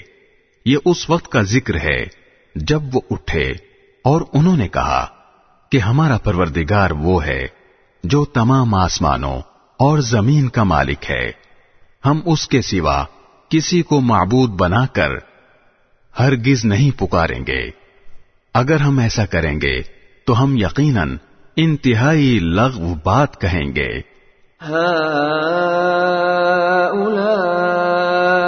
قوم اتخذوا من دونه آلهة لولا يأتون عليهم بسلطان بين فمن أظلم ممن افترى على الله كذبا یہ ہماری قوم کے لوگ ہیں جنہوں نے اس پروردگار کو چھوڑ کر دوسرے معبود بنا رکھے ہیں۔ اگر ان کا عقیدہ صحیح ہے، تو وہ اپنے معبودوں کے ثبوت میں کوئی واضح دلیل کیوں پیش نہیں کرتے؟ بھلا، اس شخص سے زیادہ ظالم کون ہوگا جو اللہ پر جھوٹ باندھے؟ وَإِذِ اعْتَزَلْتُمُوهُمْ وَمَا يَعْبُدُونَ إِلَّا اللَّهَ فَأْوُوا إِلَى الْكَهْفِ يَنشُرْ لَكُمْ يَنشُرْ لَكُمْ رَبُّكُمْ مِنْ رَحْمَتِهِ وَيُهَيِّئْ لَكُمْ مِنْ أَمْرِكُمْ مِرْفَقًا. اور ساتھیو، جب تم نے ان لوگوں سے بھی علیحدگی اختیار کر لی ہے اور ان سے بھی جن کی یہ اللہ کو چھوڑ کر عبادت کرتے ہیں، تو چلو اب تم اس غار میں پناہ لے لو۔ تمہارا پروردگار تمہارے لیے اپنا دامن رحمت پھیلا دے گا اور تمہارے کام میں آسانی کے اسباب مہیا فرمائے گا۔ وترى الشمس إذا طلعت تزاور عن كهفهم ذات اليمين وإذا غربت تقرضهم ذات الشمال وهم في فجوة منه ذلك من آيات الله من يهد الله فهو المهتد ومن يضلل فلن تجد له وليا مرشدا اور وہ غار ایسا تھا کہ تم سورج کو نکلتے وقت دیکھتے تو وہ ان کے غار سے دائیں طرف ہٹ کر نکل جاتا اور جب غروب ہوتا تو ان سے بائیں طرف کترا کر چلا جاتا اور وہ اس غار کے ایک کشادہ حصے میں سوئے ہوئے تھے۔ یہ سب کچھ اللہ کی نشانیوں میں سے ایک نشانی ہے۔ جسے اللہ ہدایت دے دے، وہی ہدایت پاتا ہے۔ اور جسے وہ گمراہ کر دے، اس کا تمہیں ہرگز کوئی مددگار نہیں مل سکتا۔ جو اسے راستے پر لائے۔ وَتَحْسَبُهُمْ أَيْقَاظًا وَهُمْ رُقُودٌ. ونقلبهم ذات اليمين وذات الشمال وكلبهم باسط ذراعيه بالوصيد. لو اطلعت عليهم لوليت منهم فرارا ولملئت منهم رعبا. تم انہیں دیکھ کر یہ سمجھتے کہ وہ جاگ رہے ہیں، حالانکہ وہ سوئے ہوئے تھے، اور ہم ان کو دائیں اور بائیں کروٹ دلواتے رہتے تھے، اور ان کا کتا دہلیز پر اپنے دونوں ہاتھ پھیلائے ہوئے بیٹھا تھا۔ اگر تم انہیں جھانک کر دیکھتے تو ان سے پیٹ پھیر کر بھاگ کھڑے ہوتے، اور تمہارے اندر ان کی دہشت سما جاتی۔ وكذلك بعثناهم ليتساءلوا بينهم. قال قائل منهم كم لبثتم؟ قالوا لبثنا يوما أو بعض يوم. قالوا ربكم أعلم بما لبثتم فبعثوا أحدكم بورقكم هذه إلى المدينة فلينظر فلينظر أيها أزكى طعاما فليأتكم برزق منه وليتلطف وليتلطف ولا يشعرن بكم احدا اور جیسے ہم نے انہیں سلایا تھا، اسی طرح ہم نے انہیں اٹھا دیا، تاکہ وہ آپس میں ایک دوسرے سے پوچھ گچھ کریں۔ ان میں سے ایک کہنے والے نے کہا، تم اس حالت میں کتنی دیر رہے ہوگے؟ کچھ لوگوں نے کہا، ہم ایک دن یا ایک دن سے کچھ کم نیند میں رہے ہوں گے۔ دوسروں نے کہا تمہارا رب ہی بہتر جانتا ہے کہ تم کتنی دیر اس حالت میں رہے ہو۔ اب اپنے میں سے کسی کو چاندی کا یہ سکہ دے کر شہر کی طرف بھیجو۔ وہ جا کر دیکھ بھال کرے کہ اس کے کون سے علاقے میں زیادہ پاکیزہ کھانا مل سکتا ہے۔ پھر تمہارے پاس وہاں سے کچھ کھانے کو لے آئے اور اسے چاہیے کہ ہوشیاری سے کام کرے اور کسی کو تمہاری خبر نہ ہونے دے۔ انہم ان يظهروا او يعيدوكم في ملتهم ولن تفلحوا اذا ابدا کیونکہ اگر ان شہر کے لوگوں کو تمہاری خبر مل گئی، تو یہ تمہیں پتھراؤ کر کے ہلاک کر ڈالیں گے، یا تمہیں اپنے دین میں واپس آنے کے لیے مجبور کریں گے۔ اور ایسا ہوا تو تمہیں کبھی فلاح نہیں مل سکے گی وكذلك أعثرنا عليهم ليعلموا أن وعد الله حق وأن الساعة لا ريب فيها وَأَنَّ السَّاعَةَ لَا رَيْبَ فِيهَا إِذْ يَتَنَازَعُونَ بَيْنَهُمْ أَمْرَهُمْ فَقَالُوا ابْنُوا عَلَيْهِمْ بُنْيَانًا رَبُّهُمْ أَعْلَمُ بِهِمْ قَالَ الَّذِينَ غَلَبُوا عَلَى أَمْرِهِمْ لَنَتَّخِذَنَّ عَلَيْهِمْ مَسْجِدًا اور یوں ہم نے ان کی خبر لوگوں تک پہنچا دی، تاکہ وہ یقین سے جان لیں کہ اللہ کا وعدہ سچا ہے۔ نیز، یہ کہ قیامت کی گھڑی آنے والی ہے، اس میں کوئی شک نہیں۔ پھر وہ وقت بھی آیا جب لوگ ان کے بارے میں آپس میں جھگڑ رہے تھے۔ چنانچہ، کچھ لوگوں نے کہا کہ ان پر ایک عمارت بنا دو، ان کا رب ہی ان کے معاملے کو بہتر جانتا ہے۔ آخر کار جن لوگوں کو ان کے معاملات پر غلبہ حاصل تھا، انہوں نے کہا کہ ہم تو ان کے اوپر ایک مسجد ضرور بنائیں گے۔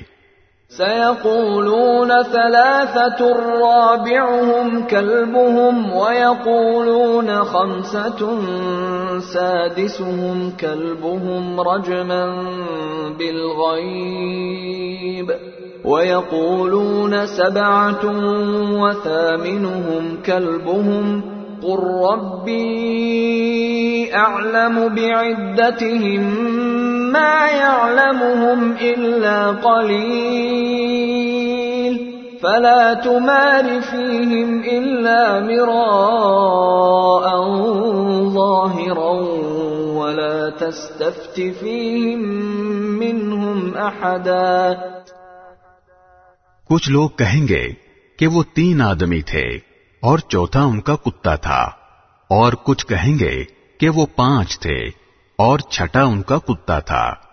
یہ سب اٹکل کے تیر چلانے کی باتیں ہیں، اور کچھ کہیں گے کہ وہ سات تھے اور آٹھواں ان کا کتا تھا۔ کہہ دو کہ میرا رب ہی ان کی صحیح تعداد کو جانتا ہے۔ تھوڑے سے لوگوں کے سوا کسی کو ان کا پورا علم نہیں۔ لہذا ان کے بارے میں سرسری گفتگو سے آگے بڑھ کر کوئی بحث نہ کرو اور نہ ان کے بارے میں کسی سے پوچھ گچھ کرو۔ ولا تقولن لشيء إني فاعل ذلك غدا۔ اور اے پیغمبر کسی بھی کام کے بارے میں کبھی یہ نہ کہو کہ میں یہ کام کل کر لوں گا۔ إلا أن يشاء الله واذكر ربك إذا نسيت وقل عسى أن يهديني ربي لأقرب من هذا رشدا۔ ہاں یہ کہو کہ اللہ چاہے گا تو کر لوں گا۔ اور جب کبھی بھول جاؤ تو اپنے رب کو یاد کر لو اور کہو مجھے امید ہے کہ میرا رب کسی ایسی بات کی طرف میری رہنمائی کر دے جو ہدایت میں اس سے بھی زیادہ قریب ہو۔ ولبثوا في كهفهم ثلاثمائة سنين وازدادوا تسعا۔ اور وہ یعنی اصحاب کہف اپنے غار میں تین سو سال اور مزید نو سال سوتے رہے قل الله أعلم بما لبثوا له غيب السماوات والأرض أبصر به وأسمع ما لهم من دونه من ولي ولا يشرك في حكمه أحدا اگر کوئی اس میں بحث کرے تو کہہ دو کہ اللہ ہی بہتر جانتا ہے کہ وہ کتنی مدت سوتے رہے۔ آسمانوں اور زمین کے سارے بھید اسی کے علم میں ہیں۔ وہ کتنا دیکھنے والا اور کتنا سننے والا ہے۔ اس کے سوا ان کا کوئی رکھوالا نہیں ہے اور وہ اپنی حکومت میں کسی کو شریک نہیں کرتا۔ واتل ما اوحي اليك من كتاب ربك لا مبدل لكلماته ولن تجد من دونه ملتحدا اور اے پیغمبر، تم پر تمہارے پروردگار کی طرف سے وہی کے ذریعے جو کتاب بھیجی گئی ہے، اسے پڑھ کر سنا دو۔ کوئی نہیں ہے جو اس کی باتوں کو بدل سکے۔ اور اسے چھوڑ کر تمہیں ہرگز کوئی پناہ کی جگہ نہیں مل سکتی۔ واصبر نفسك مع الذين يدعون ربهم بالغداة والعشي يريدون وجهه، ولا تعد عيناك عنهم تريد زينة الحياة الدنيا.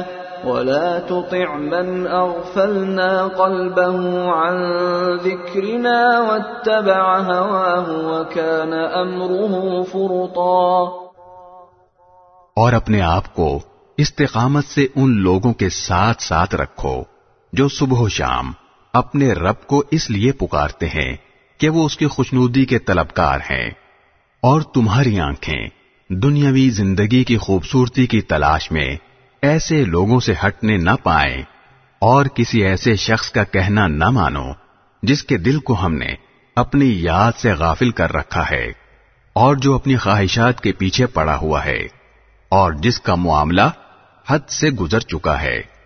وَقُلِ الْحَقُّ مِن رَبِّكُمْ فَمَن شَاءَ فَلْيُؤْمِن وَمَن شَاءَ فليكفر. إنا أعتدنا للظالمين نارا أحاط بهم سرادقها.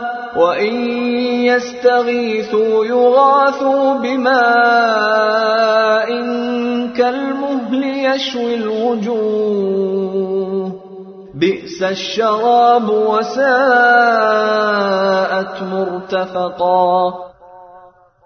اور کہہ دو کہ حق تو تمہارے رب کی طرف سے آ چکا ہے۔ اب جو چاہے ایمان لے آئے اور جو چاہے کفر اختیار کرے۔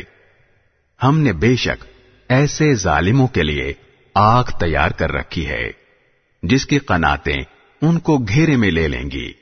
اور اگر وہ فریاد کریں گے، تو ان کی فریاد کا جواب ایسے پانی سے دیا جائے گا جو تیل کی تلچھٹ جیسا ہوگا اور چہروں کو بھون کر رکھ دے گا۔ کیسا بدترین پانی اور کیسی بری آرام گاہ۔ ان الذين امنوا وعملوا الصالحات انا لا نضيع اجر من احسن عملا البتہ، جو لوگ ایمان لائے اور انہوں نے نیک عمل کیے، تو یقیناً ہم ایسے لوگوں کے اجر کو ضائع نہیں کرتے جو اچھی طرح عمل کریں۔ أولئك لهم جنات عدن تجري من تحتهم الأنهار تجري من تحتهم الأنهار يحلون فيها من أساور من ذهب ويلبسون. ويلبسون ثيابا خضرا من سندس واستبرق متكئين فيها على الأرائك نعم الثواب وحسنت مرتفقا۔ یہ وہ لوگ ہیں جن کے لیے ہمیشہ رہنے والے باغات ہیں۔ ان کے نیچے سے نہریں بہتی ہوں گی۔ ان کو وہاں سونے کے کنگنوں سے مزین کیا جائے گا۔ وہ اونچی مسندوں پر تکیا لگائے ہوئے باریک اور دبیز ریشم کے سبز کپڑے پہنے ہوں گے۔ کتنا بہترین اجر اور کیسی حسین آرام گاہ۔ واضرب لهم مثل الرجلين جعلنا لأحدهما جنتين من أعناب وحففناهما بنخل وجعلنا بينهما زرعا اور اے پیغمبر، ان لوگوں کے سامنے ان دو آدمیوں کی مثال پیش کرو، جن میں سے ایک کو ہم نے انگوروں کے دو باغ دے رکھے تھے۔ اور ان کو کھجور کے درختوں سے گھیرا ہوا تھا اور ان دونوں باغوں کے درمیان کھیتی لگائی ہوئی تھی۔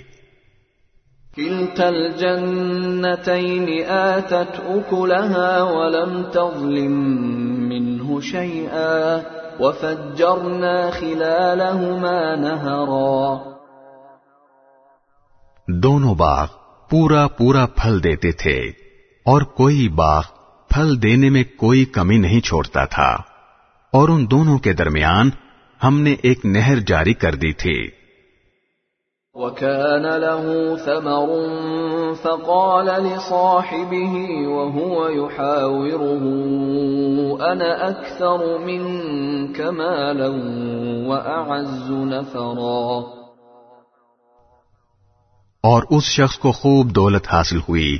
تو وہ اپنے ساتھی سے باتیں کرتے ہوئے کہنے لگا کہ میرا مال بھی تم سے زیادہ ہے اور میرا جتھا بھی تم سے زیادہ مضبوط ہے۔ ودخل جنته وهو ظالم لنفسه قال ما أظن أن تبيد هذه أبداً۔ اور وہ اپنی جان پر ستم ڈھاتا ہوا اپنے باغ میں داخل ہوا کہنے لگا میں نہیں سمجھتا کہ یہ باغ کبھی بھی تباہ ہوگا وما أظن الساعة قائمة ولئن رددت إلى ربي لأجدن خيرا منها منقلبا اور میرا خیال یہ ہے کہ قیامت کبھی نہیں آئے گی۔ اور اگر کبھی مجھے اپنے رب کے پاس واپس بھیجا بھی گیا، تب بھی مجھے یقین ہے کہ مجھے اس سے بھی اچھی جگہ ملے گی۔ قال له صاحبه وهو يحاوره، أكفرت بالذي خلقك؟ أكفرت بالذي خلقك من تراب ثم من نطفة ثم سواك رجلا اس کے ساتھی نے اس سے باتیں کرتے ہوئے کہا، کیا تم اس ذات کے ساتھ کفر کا معاملہ کر رہے ہو جس نے تمہیں مٹی سے اور پھر نطفے سے پیدا کیا؟ پھر تمہیں ایک بھلا چنگا انسان بنا دیا۔ لكن هو الله ربي ولا أشرك بربي أحدا۔ جہاں تک میرا تعلق ہے میں تو یہ عقیدہ رکھتا ہوں کہ اللہ میرا پروردگار ہے اور میں اپنے پروردگار کے ساتھ کسی کو شریک نہیں مانتا۔ ولولا إذ دخلت جنتك قلت ما شاء الله لا قوة إلا بالله إن ترني أنا أقل منك مالا وولدا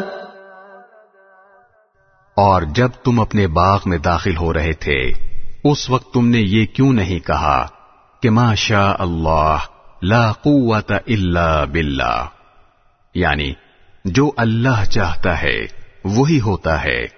اللہ کی توفیق کے بغیر کسی میں کوئی طاقت نہیں۔ اگر تمہیں یہ نظر آ رہا ہے کہ میری دولت اور اولاد تم سے کم ہے۔ فعسى ربي أن يؤتيني خيرا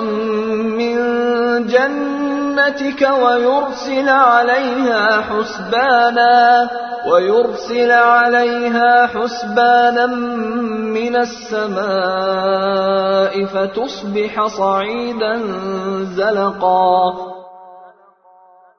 تو میرے رب سے کچھ بعید نہیں ہے کہ وہ مجھے تمہارے باغ سے بہتر چیز عطا فرما دے اور تمہارے اس باغ پر کوئی آسمانی آفت بھیج دے۔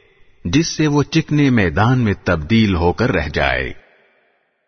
أو يصبح ماؤها غورا فلن تستطيع له طلبا۔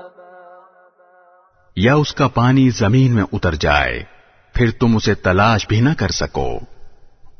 وأحيط بثمره فأصبح يقلب كفيه على ما أنفق فيها وهي خاوية وهي خاوية على عروشها ويقول يا ليتني لم أشرك بربي أحدا.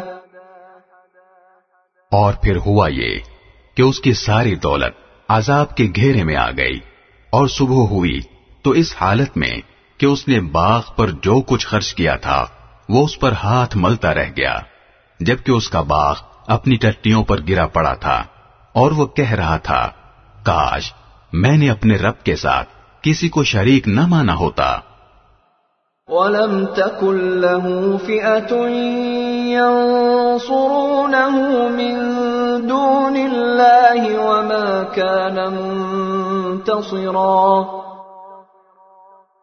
اور اسے کوئی ایسا جتھا میسر نہ آیا جو اللہ کو چھوڑ کر اس کی مدد کرتا اور نہ وہ خود اس قابل تھا کہ اپنا دفاع کر سکے۔ هنالك الولاية لله الحق۔ هو خير ثوابا وخير عقبا. ایسے موقع پر آدمی کو پتہ چلتا ہے کہ مدد کا سارا اختیار سچے اللہ کو حاصل ہے۔ وہی ہے جو بہتر ثواب دیتا اور بہتر انجام دکھاتا ہے۔ واضرب لهم مثل الحياة الدنيا كماء إن أنزلناه من السماء فاختلط به فاختلط به نبات الأرض فأصبح هشيما تذروه الرياح. وكان الله على كل شيء مقتدرا۔ اور ان لوگوں سے دنیاوی زندگی کی یہ مثال بھی بیان کر دو کہ وہ ایسی ہے جیسے ہم نے آسمان سے پانی برسایا تو اس سے زمین کا سبزہ خوب گھنا ہو گیا۔ پھر وہ ایسا ریزا ریزا ہوا کہ اسے ہوائیں اڑا لے جاتی ہیں اور اللہ ہر چیز پر مکمل قدرت رکھتا ہے۔ المال والبنون زينة الحياة الدنيا والباقيات الصالحات خير عند ربك ثوابا وخير أملا مال اور اولاد دنیاوی زندگی کی زینت ہیں۔ اور جو نیکیاں پائیدار رہنے والی ہیں، وہ تمہارے رب کے نزدیک ثواب کے اعتبار سے بھی بہتر ہیں اور امید وابستہ کرنے کے لیے بھی بہتر۔ وَيَوْمَ نُسَيِّرُ الْجِبَالَ وَتَرَى الْأَرْضَ بَارِزَةً وَحَشَرْنَاهُمْ وَحَشَرْنَاهُمْ فَلَمْ نُغَادِرْ مِنْهُمْ أَحَدًا۔ اور اس دن کا دھیان رکھو، جس دن ہم پہاڑوں کو چلائیں گے اور تم زمین کو دیکھو گے کہ وہ کھلی پڑی ہے، اور ہم ان سب کو گھیر کر اکٹھا کر دیں گے، اور ان میں سے کسی ایک کو بھی نہیں چھوڑیں گے۔ وَعُرِضُوا عَلَى رَبِّكَ صَفًّا لَقَدْ جِئْتُمُونَا كَمَا خَلَقْنَاكُمْ أَوَّلَ مَرَّةٍ بَلْ زَعَمْتُمْ أَن لَّن نَّجْعَلَ لَكُم اور سب کو تمہارے رب کے سامنے صف باندھ کر پیش کیا جائے گا۔ آخر تم ہمارے پاس اسی طرح آ گئے، جس طرح ہم نے تمہیں پہلی بار پیدا کیا تھا۔ اس کے برعکس، تمہارا دعویٰ یہ تھا کہ ہم تمہارے لیے یہ مقرر وقت کبھی نہیں لائیں گے۔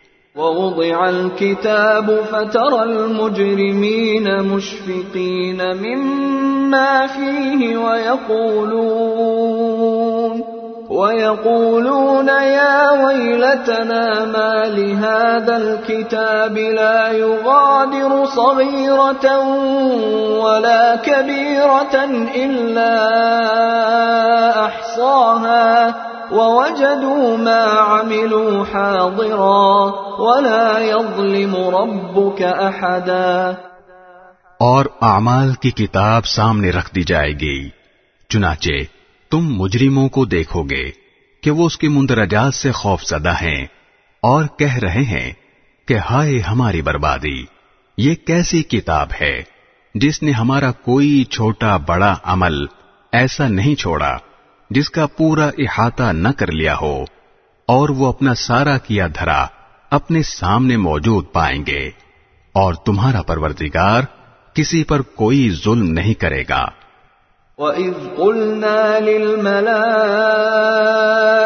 اسْجُدُوا لِآدَمَ فَسَجَدُوا إِلَّا إِبْلِيسَ كَانَ مِنَ الْجِنِّ إِلَّا إِبْلِيسَ كَانَ مِنَ الْجِنِّ فَفَسَقَ عَنْ أَمْرِ رَبِّهِ افتتخذونه وذريته اولياء من دوني وهم لكم عدو بئس للظالمين بدلا اور وہ وقت یاد کرو جب ہم نے فرشتوں سے کہا تھا کہ آدم کے آگے سجدہ کرو، چنانچہ سب نے سجدہ کیا، سوائے ابلیس کے، وہ جنات میں سے تھا۔ چنانچہ اس نے اپنے رب کے حکم کی نافرمانی کی۔ کیا پھر بھی تم میرے بجائے اسے اور اس کی ضروریت کو اپنا رکھوالا بناتے ہو؟ حالانکہ وہ سب تمہارے دشمن ہیں۔ اللہ تعالی کا کتنا برا متبادل ہے جو ظالموں کو ملا ہے۔ ما أشهدتهم خلق السماوات والأرض ولا خلق أنفسهم وما كنت متخذ المضلين عضدا میں نے نہ آسمانوں اور زمین کی تخلیق کے وقت ان کو حاضر کیا تھا، نہ خود ان کو پیدا کرتے وقت، اور میں ایسا نہیں ہوں کہ گمراہ کرنے والوں کو دست و بازو بناؤں۔ ويوم يقول نادوا شركائي الذين زعمتم فدعوهم فلم يستجيبوا لهم فدعوهم فلم يستجيبوا لهم وجعلنا بينهم موبقا اور اس دن کا دھیان کرو جب اللہ ان مشرکوں سے کہے گا کہ ذرا پکارو ان کو جنہیں تم نے میری خدائی میں شریک سمجھ رکھا تھا۔ چنانچہ وہ پکاریں گے، لیکن وہ ان کو کوئی جواب نہیں دیں گے۔ اور ہم ان کے درمیان ایک مہلک آڑ حائل کر دیں گے۔ ورأى المجرمون النار فظنوا أنهم مواقعوها ولم يجدوا عنها مصرفا۔ اور مجرم لوگ آگ کو دیکھیں گے تو سمجھ جائیں گے کہ انہیں اسی میں گرنا ہے اور اس سے بچ نکلنے کا کوئی راستہ نہیں پائیں گے۔ وَلَقَدْ صَرَّفْنَا فِي هَذَا الْقُرْآنِ لِلنَّاسِ مِنْ كُلِّ مَثَلٍ وَكَانَ الْإِنسَانُ أَكْثَرَ شَيْءٍ جَدَلًا۔ اور ہم نے لوگوں کے فائدے کے لیے اس قرآن میں طرح طرح سے ہر قسم کے مضامین بیان کیے ہیں۔ اور انسان ہے کہ جھگڑا کرنے میں ہر چیز سے بڑھ گیا ہے۔ وما منع الناس أن يؤمنوا إذ جاءهم الهدى ويستغفروا ربهم إلا أن تأتيهم سنة الأولين أو يأتيهم العذاب قبلا اور جب لوگوں کے پاس ہدایت آ چکی، تو اب انہیں ایمان لانے اور اپنے رب سے معافی مانگنے سے اس مطالبے کے سوا کوئی اور چیز نہیں روک رہی کہ ان کے ساتھ بھی پچھلے لوگوں جیسے واقعات پیش آ جائیں یا عذاب ان کے بالکل سامنے آ کھڑا ہو۔ وما نرسل المرسلين إلا مبشرين ومنذرين ويجادل الذين كفروا بالباطل ليدحضوا به الحق واتخذوا آياتي وما أنذروا هزوا اور ہم پیغمبروں کو صرف اس لیے بھیجتے ہیں کہ وہ مومنوں کو خوشخبری دیں اور کافروں کو عذاب سے متنبہ کریں۔ اور جن لوگوں نے کفر اپنا لیا ہے، وہ باطل کا سہارا لے کر جھگڑا کرتے ہیں، تاکہ اس کے ذریعے حق کو ڈگمگا دیں۔ اور انہوں نے میری آیتوں کو اور انہیں جو تنبیہ کی گئی تھی، اس کو مذاق بنا رکھا ہے۔ ومن أظلم ممن ذكر بآيات ربه فأعرض عنها ونسي ما قدمت يداه إنا جعلنا على قلوبهم أكنة أن يفقهوه وفي آذانهم وقرا وإن تدعهم إلى الهدى فلن يهتدوا إذا أبدا اور اس شخص سے بڑھ کر ظالم کون ہوگا جسے اس کے رب کی آیتوں کے حوالے سے نصیحت کی جائے تو وہ ان سے منہ موڑ لے اور اپنے ہاتھوں کے کرتوت کو بھلا بیٹھے۔ حقیقت یہ ہے کہ ہم نے ان لوگوں کے کرتوت کی وجہ سے ان کے دلوں پر غلاف چڑھا دیے ہیں، جن کی وجہ سے وہ اس قرآن کو نہیں سمجھتے اور ان کے کانوں میں ڈانٹ لگا دی ہے۔ اور اگر تم انہیں ہدایت کی طرف بلاؤ، تب بھی وہ صحیح راستے پر ہرگز نہیں آئیں گے۔ وربك الغفور ذو الرحمة. لو يؤاخذهم بما كسبوا لعجل لهم العذاب. بل لهم موعد لن يجدوا من دونه موئلا. اور تمہارا پروردگار بہت بخشنے والا، بڑا رحمت والا ہے، جو کمائی انہوں نے کی ہے۔ اگر وہ اس کی وجہ سے انہیں پکڑنے پر آتا، تو ان کو جلد ہی عذاب دے دیتا۔ لیکن ان کے لیے ایک وقت مقرر ہے، جس سے بچنے کے لیے انہیں کوئی پناہ گاہ نہیں ملے گی۔ وتلك القرى أهلكناهم لما ظلموا وجعلنا وجعلنا لمهلكهم موعدا۔ یہ ساری بستیاں تمہارے سامنے ہیں۔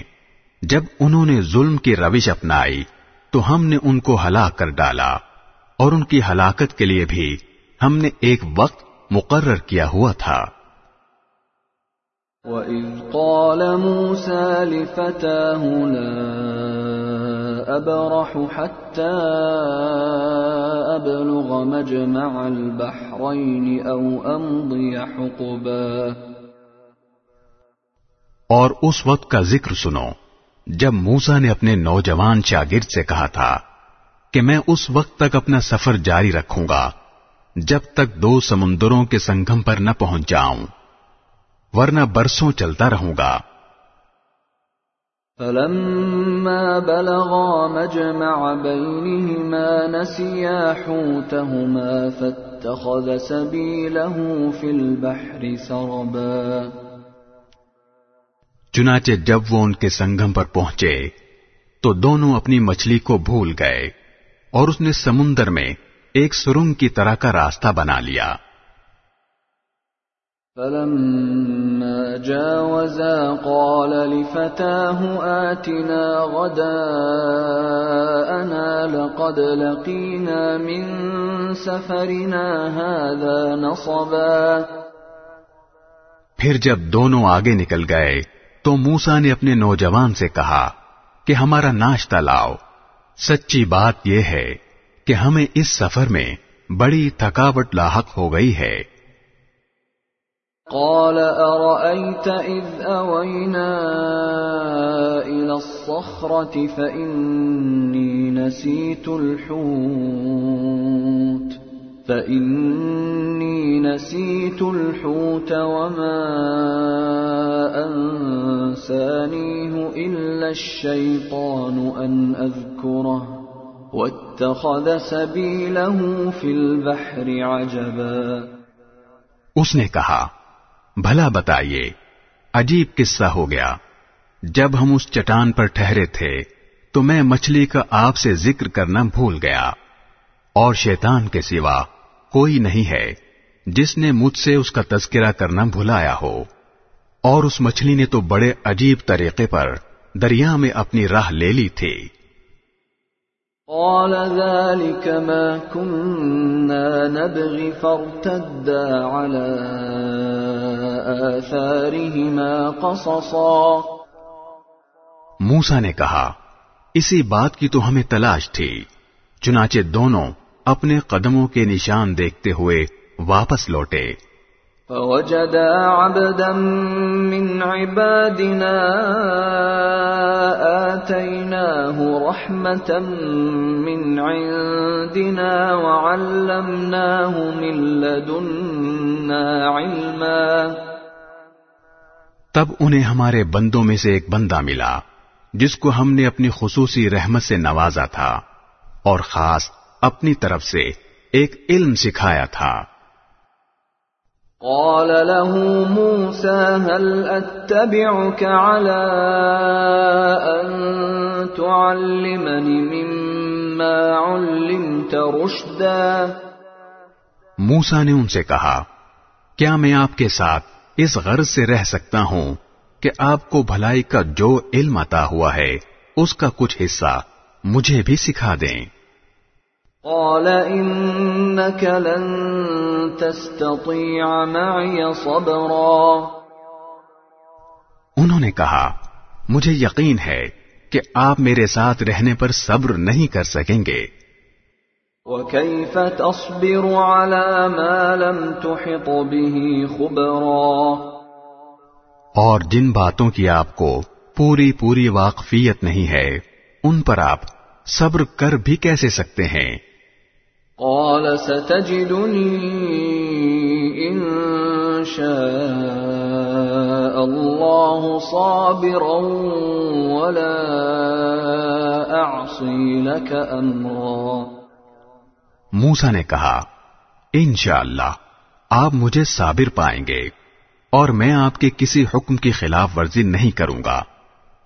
قال فإن اتبعتني فلا تسألني عن شيء حتى أحدث لك منه ذكرا۔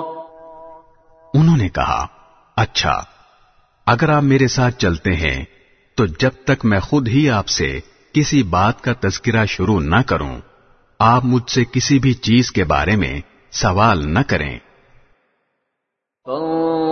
فانطلقا حتى إذا ركبا في السفينة خرقها، قال أخرقتها لتغرق أهلها، لقد جئت شيئا إمرا. چنانچہ دونوں روانہ ہو گئے۔ یہاں تک کہ جب دونوں ایک کشتی میں سوار ہوئے، تو ان صاحب نے کشتی میں چھید کر دیا۔ موسا بولے، ارے کیا؟ آپ نے اس میں چھید کر دیا تاکہ سارے کشتی والوں کو ڈبو ڈالیں۔ یہ تو آپ نے بڑا خوفناک کام کیا۔ قال ألم أقل إنك لن تستطيع معي صبرا؟ انہوں نے کہا کیا میں نے کہا نہیں تھا کہ آپ میرے ساتھ رہ کر صبر نہیں کر سکیں گے؟ قال لا تؤاخذني بما نسيت ولا ترهقني من امري عسرا موسا نے کہا، مجھ سے جو بھول ہو گئی، اس پر میری گرفت نہ کیجیے اور میرے کام کو زیادہ مشکل نہ بنائیے۔ فانطلقا حتى إذا لقيا غلاما فقتله قال أقتلت نفسا زكية بغير نفس؟ قال أقتلت نفسا زكية بغير نفس لقد جئت شيئا نكرا. وہ دونوں پھر روانہ ہو گئے۔ یہاں تک کہ ان کی ملاقات ایک لڑکے سے ہوئی، تو ان صاحب نے اسے قتل کر ڈالا۔ موسا بول اٹھے، ارے کیا آپ نے ایک پاکیزہ جان کو ہلاک کر دیا، جبکہ اس نے کسی کی جان نہیں لی تھی، جس کا بدلہ اس سے لیا جائے۔ یہ تو آپ نے بہت ہی برا کام کیا۔